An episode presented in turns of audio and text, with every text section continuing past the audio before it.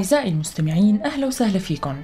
برحب فيكم أنا مايا بحلقة جديدة من برنامج أخذ وعطا وبذكركم أنه هذا البرنامج بالتعاون مع مبادرة كلنا مواطنون.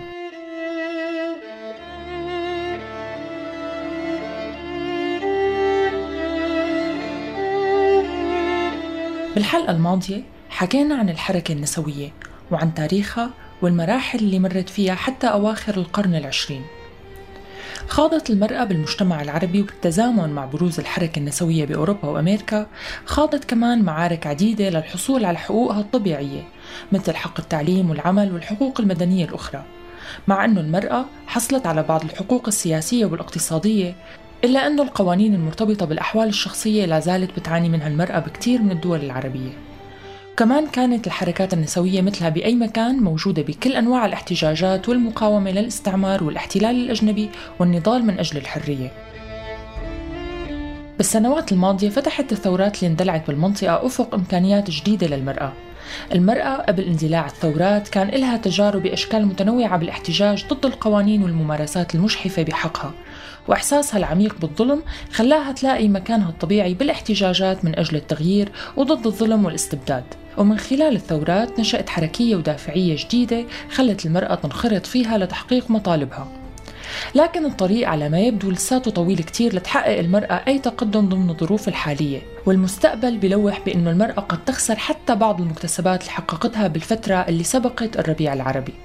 مع صعود جديد لنوع مختلف من الاستبداد السياسي والاجتماعي واللي ممكن يكون مرحلة جديدة صعبة على النساء بالمنطقة. فبالرغم من حصول النساء على تمثيل سياسي متواضع بتونس وليبيا واليمن إلا أنه ضمن الظروف الحالية من التجاذبات السياسية ومخاطر التطرف والفوضى الأمنية ما عم تقدر المرأة أنها تحدث تأثير يذكر. عدا عن التهديدات اللي عم تتعرض لها الناشطات النسويات المشاركات بالعمل السياسي من قبل المكونات المتطرفة والمتشددة. بسوريا وبكثير من المناطق اللي سيطر عليها تنظيم الدولة الإسلامية والكتائب المعارضة تم فرض اللباس الإسلامي وبعض القوانين الموجهة تحديدا ضد حرية النساء الشخصية مثل العمل والتبرج والسفر والتنقل وغيرها. الحركة النسوية بتواجه كثير من التحديات منها ما هو متعلق بالظروف الخطيرة والاستثنائية اللي رح تنعكس على وضع المرأة فكريا وتعليميا واجتماعيا ومنها ما هو متعلق بنشاط الحركة النسوية نفسه بمجتمعاتنا وكيف ممكن أنه يحدث تغيير حقيقي على أرض الواقع ويجمع المناصرين حواليه أو على الأقل يجمع مناصرين أكثر من الأعداء. الحركة النسوية بالعالم العربي تاريخها دورها بالأحداث اللي غيرت وجه المنطقة على مدى عقود ودورها بثورات الربيع العربي. بعد الفاصل. عم تسمعوا أخذ عطاء على راديو سوريالي أهلا وسهلا فيكم من جديد. بداية خلونا مع هذا الاستطلاع. هل أنت مناصر للحركة النسوية؟ بالمبدأ أي أكيد أنا مناصر إجمالا للحركة النسوية مثل مناصرتنا لأي حراك لتحقيق حقوق الإنسان لأي فئة من فئات المجتمع وهل برأيك مناصرة حقوق المرأة أولوية بالمنطقة؟ وليش إيه أو لا؟ بعتبر إنه اضطهاد المرأة هو جزء من اضطهاد الإنسان السوري بشكل عام. ومثل ما بنعتبر إنه من حق كل انسان ينعم بحقوق المواطن المتساوي مع أي مواطن آخر بالبلد فهذا الشيء بيشمل الجميع. بصراحة لا ما بعتبر آه، نشاط الحركة النسوية على وجه الخصوص هو الأولوية الآن للنضال الحقوقي بسوريا بظل الظروف اللي عم نعيشها بالشرق الأوسط بشكل عام وبسوريا على وجه الخصوص. أنا بعتبر أنه حقوق الإنسان مجرد أي, أي إنسان هي منتقصة إلى حد كبير. ونضال آه، الحركة النسوية لتحصيل حقوق المرأة هو جزء لا يتجزأ من نضال العام لتحقيق حقوق الإنسان. شوف آه، الأولوية هي المطالبة بحماية حقوق الإنسان بشكل عام. سواء ذكر أو أنثى. وهي الخطوة الأولى آه، قبل الدخول بتفاصيل أخرى حول المرأة على وجه الخصوص. وبالأساس أنا بعتبر أنه النضال لتحقيق آه، حماية حقوق الإنسان آه، بسوريا هو مسألة غير قابلة للتمييز وغير مجتزأة. فالإنسان هو إنسان ومجرد نضال تحقيق حقوقه فهو بيضمن حقوق الرجل والمرأة.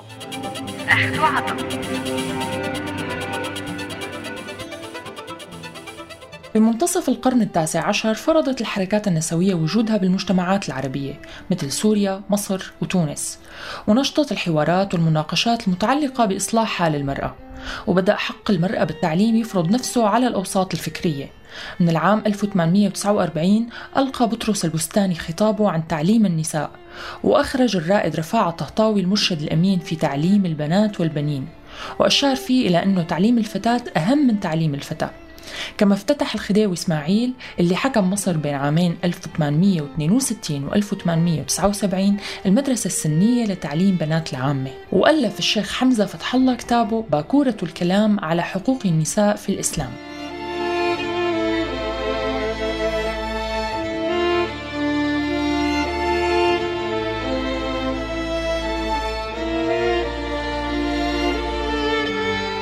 تأثرت الحركات النسوية بالمجمل بالتيارات السياسية اللي طرحت حالها على أرض الواقع مثل الاشتراكية والشيوعية والليبرالية. اتوالت بمصر والشام وتونس الجهود والجمعيات والمجلات النسائية. وبلغت النسوية ذروتها بكتابين قاسم أمين تحرير المرأة سنة 1888 وكتاب المرأة الجديدة 1900 وكان اكتشاف رأس نفرتيتي بمصر سنة 1913 له مساهمته بإيقاظ وعي المرأة المصرية بذاتها. وهذا الشيء تجلى بحضور هدى الشعراوي ونبوية موسى وسيزا النبراوي مؤتمر المرأة العالمي لعام 1922 ليتأسس من بعده الاتحاد النسائي المصري اللي كان بيهدف لتحصيل الحقوق المهدورة للمرأة وتحقيق نسبة من المساواة بينها وبين الرجل. لكن الثقافة الرائجة بالمجتمع كانت بتعتبر الرجل النموذج الطبيعي للإنسان. ونيل المرأة لحقوقها أقترن بمدى اقترابها من النموذج الذكوري وإثبات قدرتها وكفاءتها وإلغاء عائق أنوثتها وتماهيها بالرجل. باعتراف واقعي وصريح بأن الأنوثة ضعف وقصور.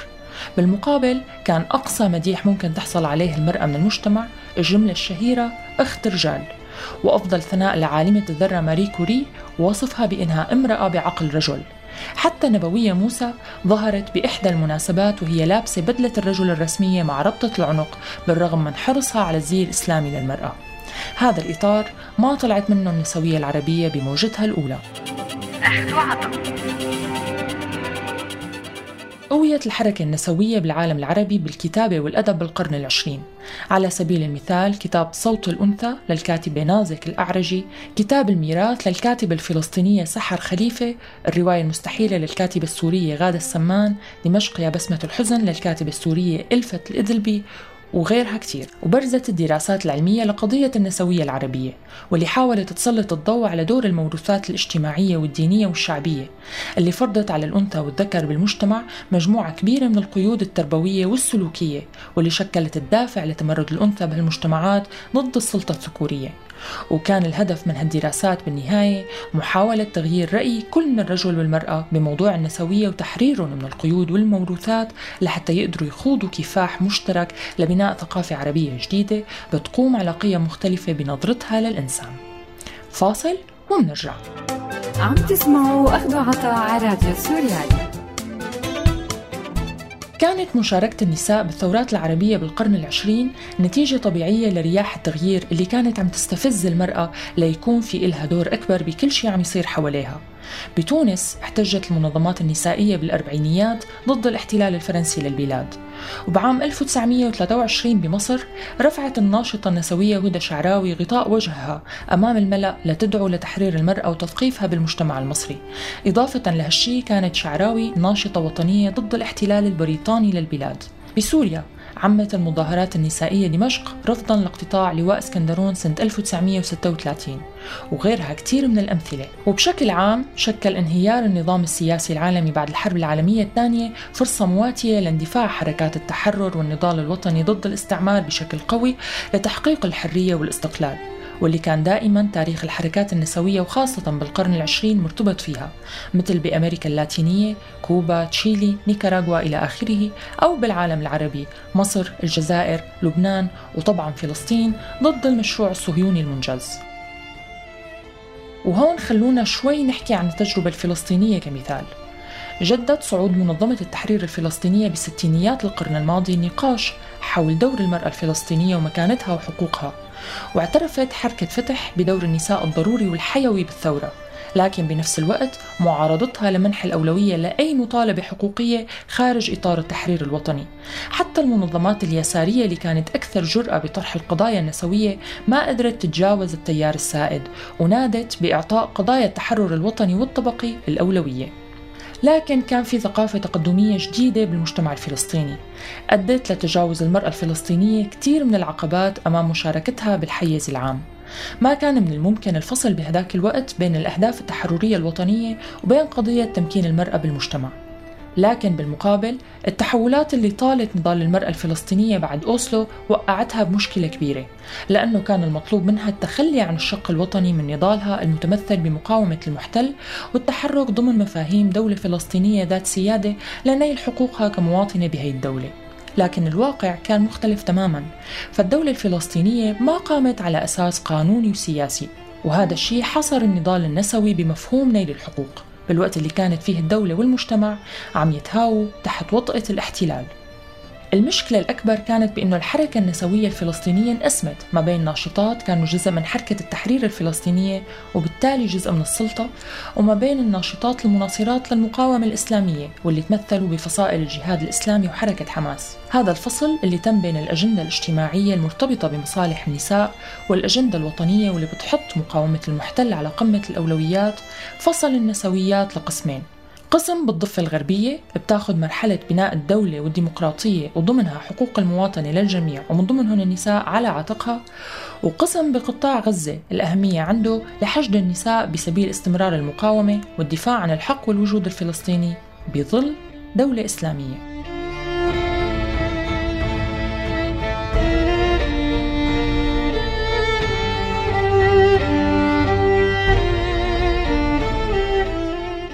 المهم بالتجربة الفلسطينية أنه قدرة النساء بالنهاية على ممارسة دور سياسي لرأب الصدع بين الضفة الغربية وقطاع غزة كان معدوم.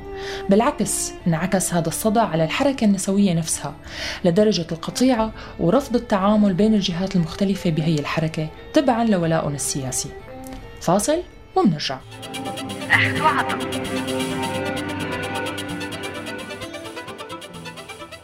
أهلا وسهلا فيكم من جديد.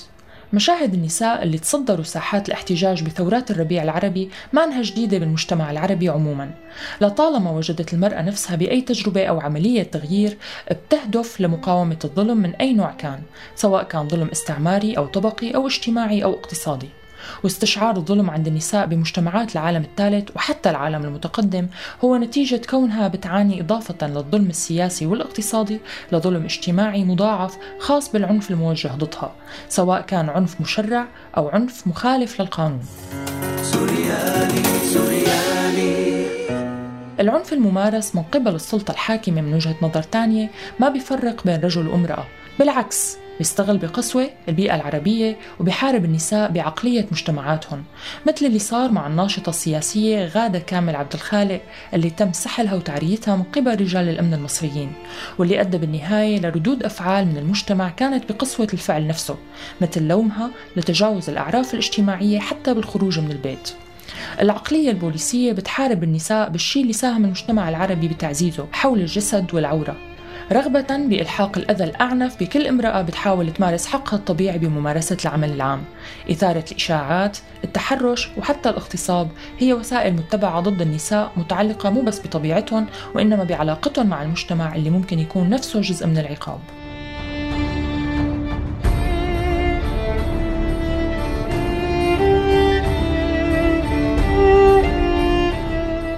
حاولت أدوات القمع بشتى الطرق إضعاف النساء وضربهم وإهانتهم لإخضاعهم وردعهم عن المشاركة بالحراكات.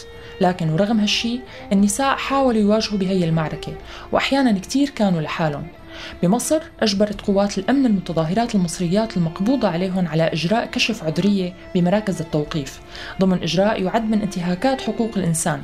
لكن ضحايا كشف العذرية ما سكتوا عن المطالبة بحقوقهم ومحاسبة المرتكبين وطالبوا أمام الرأي العام المصري بفتح هذا الملف الحساس بالنسبة لهم وإرسال المتهمين للعدالة بخطوة تعد جديدة على الأعراف الاجتماعية السائدة بمصر.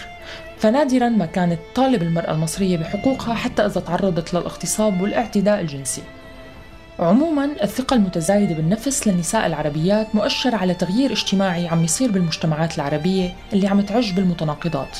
من جهة عم يتزايد الاهتمام بالتعليم عند النساء بشكل متزايد. ومن جهة عم يتم منع النساء من التعلم بالمناطق اللي سيطروا عليها المتشددين. من جهة نساء عم يستكشفوا النسوية كمفهوم متعدد الأوجه وبيتطرق لنواحي عميقة وحساسة جدا. ونساء عم يتم تزويجهم باكرا وفرض اللباس الديني عليهم تحت طائلة العقوبة. تناقضات غريبة لكنها بتوحي إنه في صدام وتغيير قادم بين الأفكار المجتمعية اللي عم تغلي بالمنطقة. عم تسمعوا أخذوا عطاء على راديو سوريالي. الحركة النسوية بسوريا عم بتعاني من ظروف خاصة. هذا الشيء بسبب انتشار الفاشية والظلامية بفرض السلطة والسيطرة اللي تمثلت بأطراف الصراع العسكري والمستوى الهائل من العنف ومأسسته والتعقيد الحاصل نتيجة تحول الصراع لحلبة تصفية حسابات بين القوى الدولية.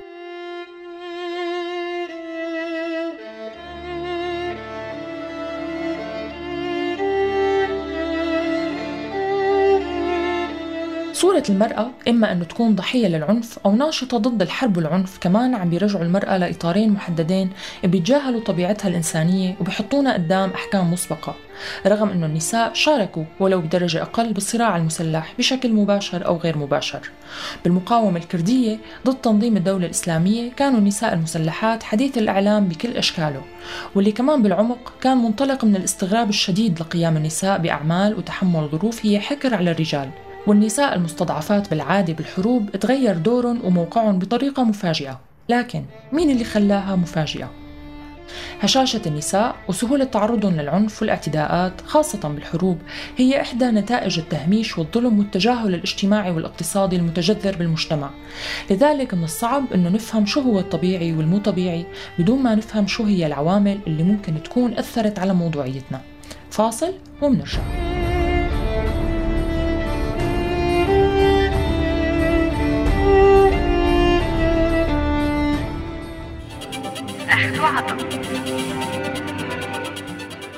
مع ثورات الربيع العربي برزت مبادرات بعدة أماكن من العالم العربي حاولت أنها تكون محددة ضد قضايا معينة أو على الأقل تبدأ بالتدريج من قضايا معينة مثل حملة سوف أقود سيارتي بنفسي اللي اعتقلت على أثرها نساء سعوديات بتهمة التحريض وتأليب الرأي العام.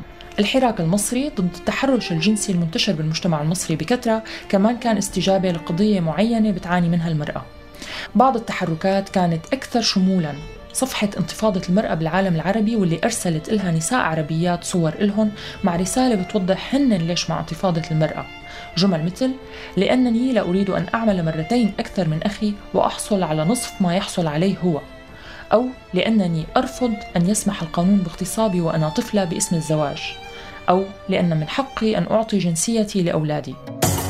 سوريالي سوريالي من الجدير بالذكر إنه بعد ما نشرت إحدى الناشطات صورة إلها بدون حجاب مع صورة لجواز سفرها بتظهر فيها محجبة كترميز لحريتها باختيار اللباس اللي بيناسبها تسكرت صفحة انتفاضة المرأة العربية بالعالم العربي نتيجة التبليغات ضد الصفحة والصورة من قبل المستائين قبل ما ترجع تفتح من جديد.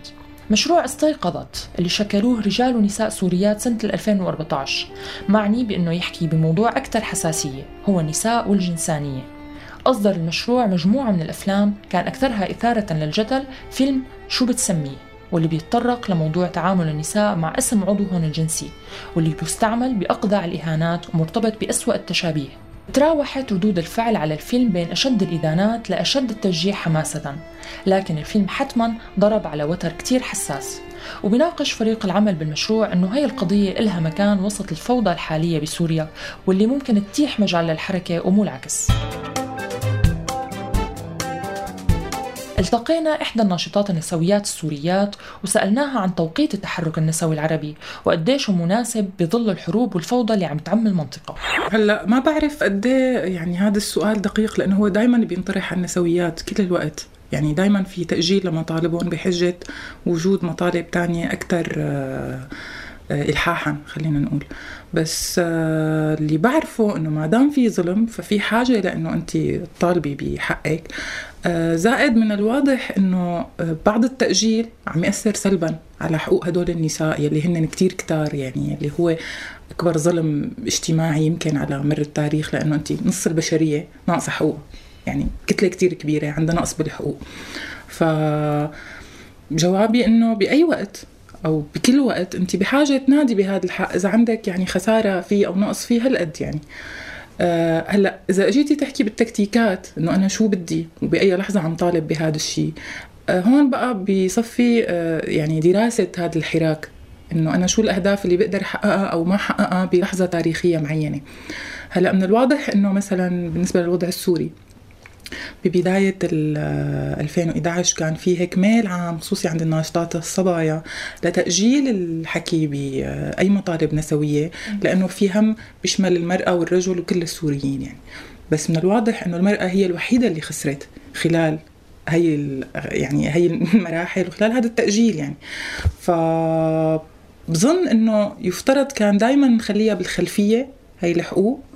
ونفكر كيف نحن ممكن يعني نكرسها بالممارسة بمعنى إنه آه، رفض التحكم بطريقة اللباس أو التجمع بمناطق معينة أو آه، ما بنرفع الصوت بنرفع الصوت مدري شو بنعمل. آه، يعني يفترض نخليها بالخلفية وتكون هيك حاضرة مثل مثل كثير شغلات تانية مثل الأخلاق مثلا أخلاق المكان الاجتماع الكذا آه، بهذا الوقت أنا حاسة إنه لا اللحظة مناسبة إلى حد ما لأنه في كتير قصص عم تطفو على السطح. يعني بمعنى الحريات الدينية موضوع كتير طارئ وهو طارئ بسبب الوضع السياسي يلي عم بيعم سوريا والوطن العربي كلياته.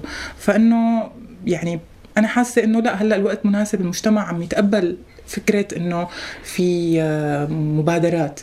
أحيانا كثير عم يتقبلها بشكل سلبي بس هي صارت يعني واضحة للعيان.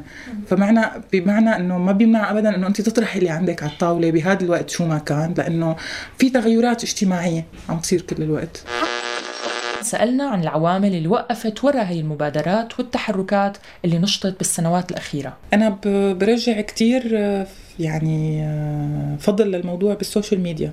إنه من قبل يعني عن جد كان صعب كثير إنه تعرفي إنه في حملة صارت. يعني إذا ما كان عندك آه، شخص معني ومرتبط بشيء عم بيصير كثير ممكن ما تدري يعني. بس هلأ في عندك منبر وفي ناس عم تشارك الشغلات اللي عم تعرفها مع كل الناس فهذا عم بيخلي في صوت يوصل فيه. الشيء الثاني اللي بعرفه واللي لاحظته على أرض الواقع إنه انخراط عدد أكبر من النساء بالشأن العام هذا الشيء اللي ما كان متاح كثير قبل الربيع العربي لأنه أساسا ما كان في حراك كثير يعني مجموعات كبيرة من النساء والرجال ما كانت مهتمة بالشأن العام. هلأ صار في عندك أعداد أكبر مهتمة. وجزء منيح منه النساء لأنه النساء موجودين بالنهاية مستوى التعليم عندهم صار أعلى من قبل كثير شغلات. هدول النساء لما انخرطوا بالشأن العام بطبيعة الحال الحرية ب... ب...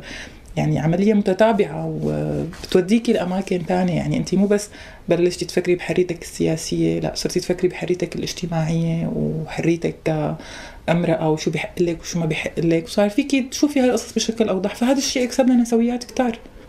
يعني بتخيل الفضل بيعود لهدول الشغلتين. يا ترى شو هو مستقبل هي الحركات؟ هل هي طفرات مؤقتة أم ممكن توصل لحراك عميق ومستمر يأثر إقليميا؟ لا والله أنا متفائلة. متفائلة إنه هي عم تستمر عم تتطور عم تتلاقح بشكل واضح. يعني في أفكار عم يعني عم ينحكى فيها مثلا باندونيسيا وباذربيجان وباماكن تانية كنسويه إسلامية عم تاخذ محلها هون وفي أفكار تانية جايتنا من أوروبا أو من الغرب. زائد العالم العربي ببعضه يعني أنا مثلا بعرف عدد من الناشطات باليمن بتونس بمصر بعرف شو عم يشتغلوا مثلا لحد ما يعني ف هذا يعني التبادل الفكري عم يقود لهيك شوية اصطفاء ببعض الأفكار بمعنى إنه عم نقدر نعرف أكثر شو بدنا. المرحله بتاخذ وقت لسه يعني لسه ما صار في شيء ولسه مثل ما قلتي إنه في كتير شغلات عم تفور وتنزل محاولات وحملات. بس آه، هيك بيكون الكفاح على الطريق الطويل يعني. مش بالضرورة نكون كلياتنا موحدين وعم نحكي بنفس الصوت بس آه، كله عم يجتمع على نفس الهدف. اللي هو آه، عدل ومساواة وحرية لكل الأطراف ورفع الظلم عنهم يعني. وبنفس الوقت زيادة عليه الأفكار عم عم تقرب من بعضها أكثر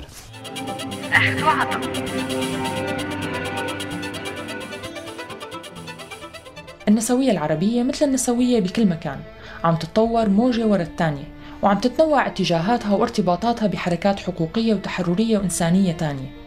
بالتأكيد عندها كثير من التحديات المتعلقة بخصوصية المجتمعات العربية وعندها كثير من الشغل والتنظيم والتوعية على المدى الطويل لتكسب مناصرين إلها وتقدر تكون قوة ضغط حقيقية.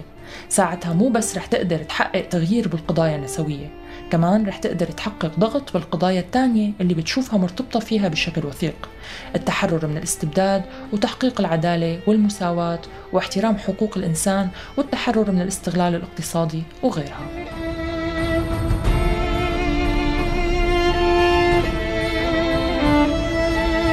بنهاية حلقتنا أصدقائي أنا بودعكم على أمل التقي فيكم بحلقة جديدة من أخذ وعطاء. لا تنسوا تتابعونا على موقعنا سوريالي dot com وأرشيفنا دائما بتلاقوه على ال SoundCloud. وولفوا علينا FM من هون للأسبوع القادم كونوا بألف خير.